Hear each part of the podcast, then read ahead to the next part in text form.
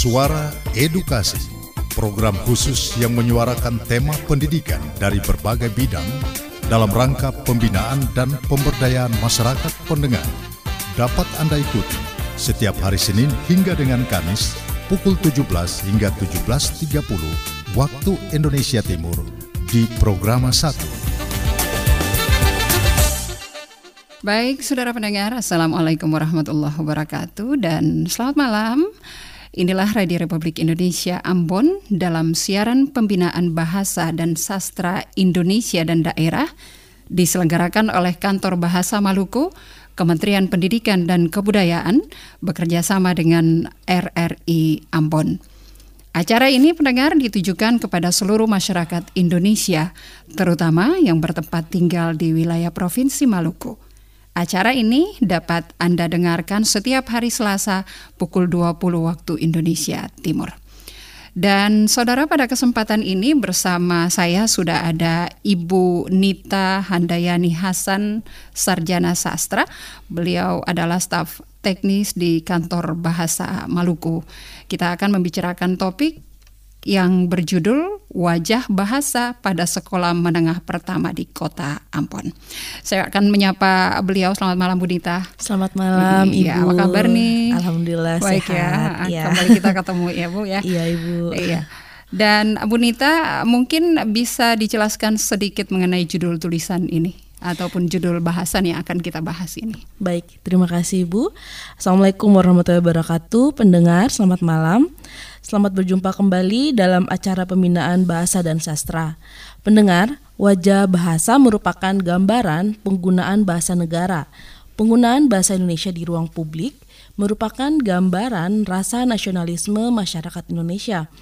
Oleh karena itu, melalui wajah bahasa dapat diketahui kecenderungan penggunaan bahasa. Saat ini, generasi muda lebih condong menggunakan bahasa asing hmm. dibandingkan bahasa negaranya sendiri. Iya. Ada rasa bangga dalam diri mereka hmm. jika lebih fasih menggunakan bahasa asing. Padahal masa depan bangsa ini ada di tangan generasi muda. Jika rasa cinta pada bahasa sendiri sudah mulai hilang, lalu mau dibawa ke mana arah Iya. bangsa ini? Mm. Sekolah menengah pertama merupakan tahapan tingkat pendidikan yang berada di antara tingkat pendidikan dasar dan atas. Pada tingkatan ini, murid-murid mulai, diajarkan pengetahuan global. Oleh karena itu, pengajaran bahasa asing mulai dipelajari secara lebih intensif. Pada masa transisi ini, pemahaman penggunaan bahasa negara harus semakin ditingkatkan pihak sekolah harus menanamkan pentingnya menempatkan penggunaan bahasa negara asing serta daerah. Nah, Ibu Nita memang uh, saat ini uh, saya mungkin juga Ibu Nita sering mendengar anak-anak muda menggunakan bahasa asing begitu ya dalam Iya, betul. berkomunikasi. Memang terkadang uh, hal tersebut mungkin bagi kita agak terganggu ya atau uh, mengganggu kita. Tapi uh, sikap seperti apa yang harus kita tunjukkan uh, jika melihat adik-adik kita yang uh, memang masih remaja ini uh, mendengar hal tersebut atau uh, mendengar ada orang yang menggunakan uh, istilah atau uh, seperti yang asing Ibu misalnya di Nita sebutkan gitu tadi. kan, Iya, seperti itu ya.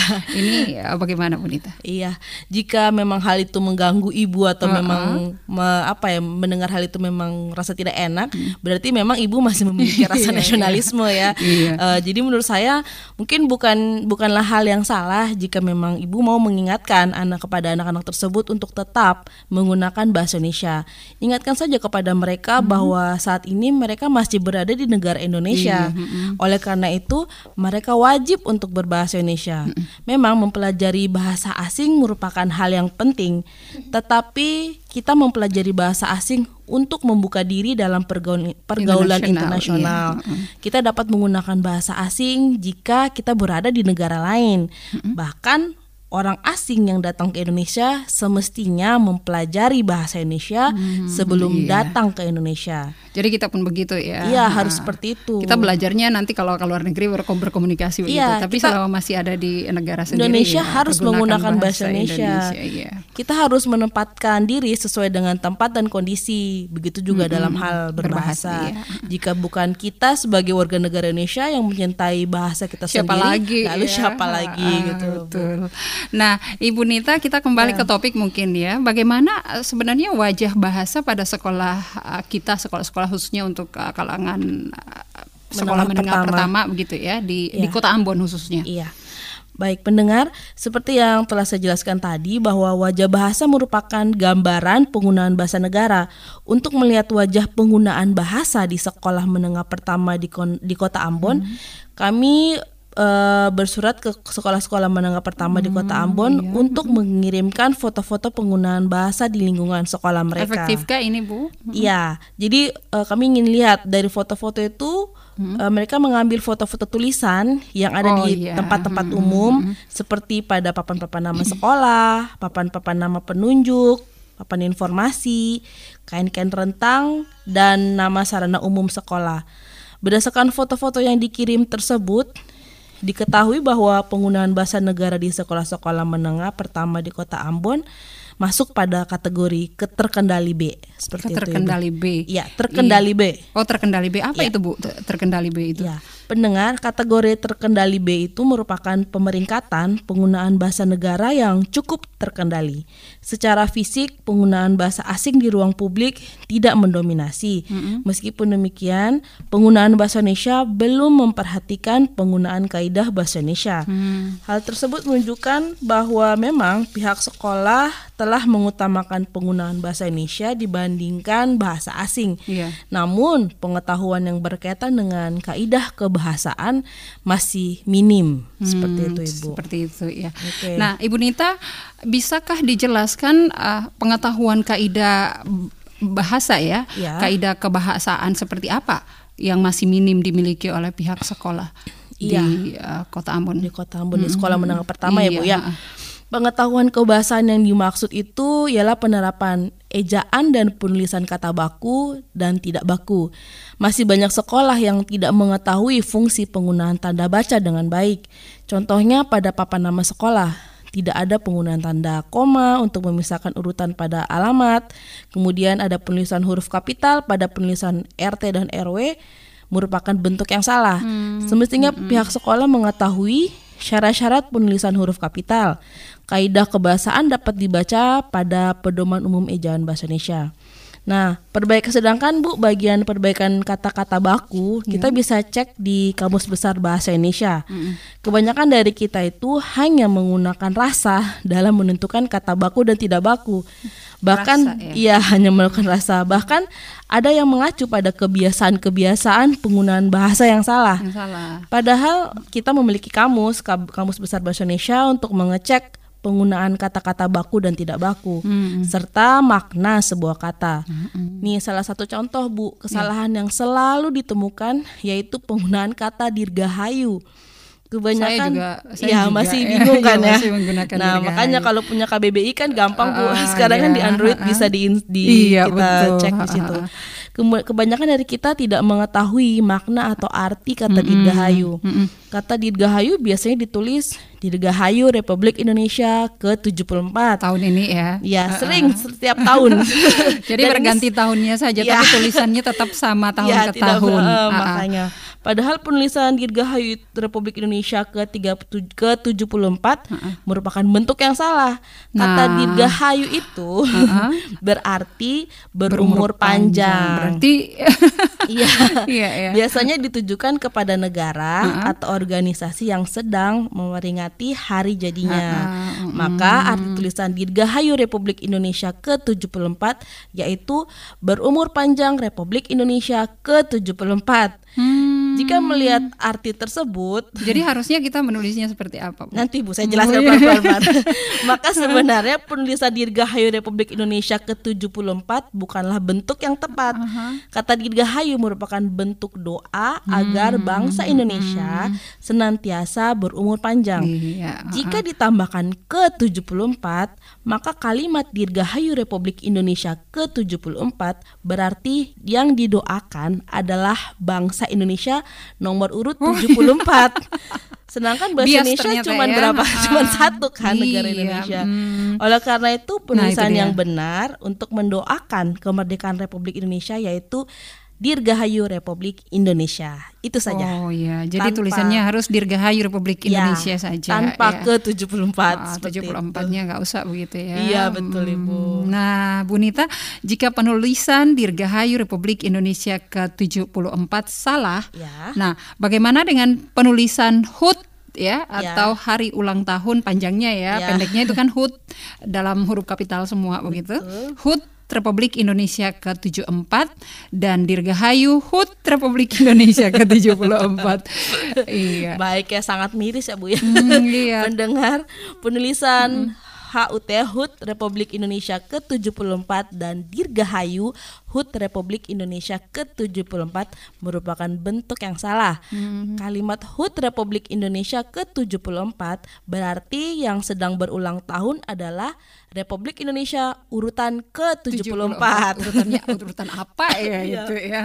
Padahal yang dimaksud umurnya yang 74. Ah, yang 74. Apalagi dengan tulisan Dirgahayu HUT Republik Indonesia ke-74. Tulisan tersebut berarti uh -uh. berumur panjang hari ulang tahun Republik Indonesia ke-74. iya. Kalimat terus tersebut memiliki uh -huh. makna yang salah jika yang dituju untuk mengucapkan selamat ulang tahun kepada satu-satunya Republik Indonesia. Iya. Oleh karena itu, perbaikan HUT Republik Indonesia ke-74 menjadi uh -huh. HUT ke-74 Republik, Republik Indonesia. Indonesia. Yang berulang tahun kan HUT HUT-nya uh, yang, diperang, yang diperingati kan hari ulang tahunnya uh, ke-74 Republik Indonesia seperti itu. Hmm. Sedangkan perbaikan kalimat Dirgahayu HUT Republik Indonesia ke-74 menjadi Dirgahayu Republik Indonesia atau HUT ke-74 Republik Indonesia. Nah, berarti selama itu. ini kita bolak-balik mulu. Iya, ya. dan ini berlaku pada uh, HUT provinsi, hmm. selalu seperti itu. Iya. dan setiap tahun memang kami selalu memberikan pembinaan, hmm. tapi Masih sepertinya tidak didengar gitu. Tidak Jadi mungkin ya, ya paling enggak hmm uh, dengan ada dengan adanya siaran iya, pembinaan iya. diharapkan uh, pemerintah provinsi juga mendengar hal ini hmm, seperti iya. itu. Iya, pendengar semoga penjelasan ini ya mumpung kita mungkin masih dalam uh, momen atau suasana hari ulang tahun kemerdekaan begitu ya. Betul. Begitu ya penyebutannya benar ya? Ya, hari betul. ulang tahun kemerdekaan. itu ya di bulan Agustus ini penjelasan terkait dengan uh, penulisan atau penyebutan hari ulang tahun Republik Indonesia uh, Dirgahayu HUT ke-74 Republik Indonesia begitu ya. Yang benarnya ya, Bu ya, para eh, Bu ya uh, bisa terus Anda pahami begitu ya sehingga di tahun-tahun mendatang penulisannya juga sudah betul begitu. Betul, iya, uh, sudah panjang lebar ya iya, dijelaskan kepada uh, pendengar. Terima kasih banyak Bu penjelasannya. Iya. Semoga penjelasan-penjelasan tersebut dapat digunakan oleh pendengar kita. Terakhir Baik. nih Bu, ya. apa kesimpulan dari topik yang kita bicarakan malam ini? Baik, Mendengar, sekolah menengah pertama merupakan tempat pembinaan bahasa bagi siswa-siswa yang mulai mencari jati diri. Oleh karena itu, penanaman pada pentingnya penggunaan bahasa negara harus terus ditumbuhkan. Para siswa pada sekolah menengah pertama harus terus-menerus diingatkan untuk mencintai bahasa negaranya mereka juga harus diajarkan memosisikan diri dalam penggunaan bahasa. Mempelajari bahasa asing merupakan hal yang penting guna pelibatan diri pada pergaulan internasional, tetapi bahasa Indonesia harus bermartabat di negaranya sendiri. Oke, baik. Terima kasih ya, Ibu sudah hadir di studio untuk menjelaskan terkait dengan wajah bahasa pada sekolah menengah pertama di Kota Ambon. Saya juga mendapat pelajaran baru malam ini ya, terkait dengan penyebutan penulisan hari ulang tahun uh, kemerdekaan atau HUT ke-74 kalau tahun ini penyebutannya seperti itu HUT ke-74 Republik Indonesia. Iya pendengar tadi kita bersama dengan Ibu Nita Handayani Hasan SS, staf teknis teknis di kantor bahasa Maluku. Terima kasih banyak Ibu Nita dan pendengar. Demikian jumpa kita malam ini di siaran pembinaan bahasa dan sastra Indonesia. Selamat malam, kita jumpa lagi di siaran selanjutnya.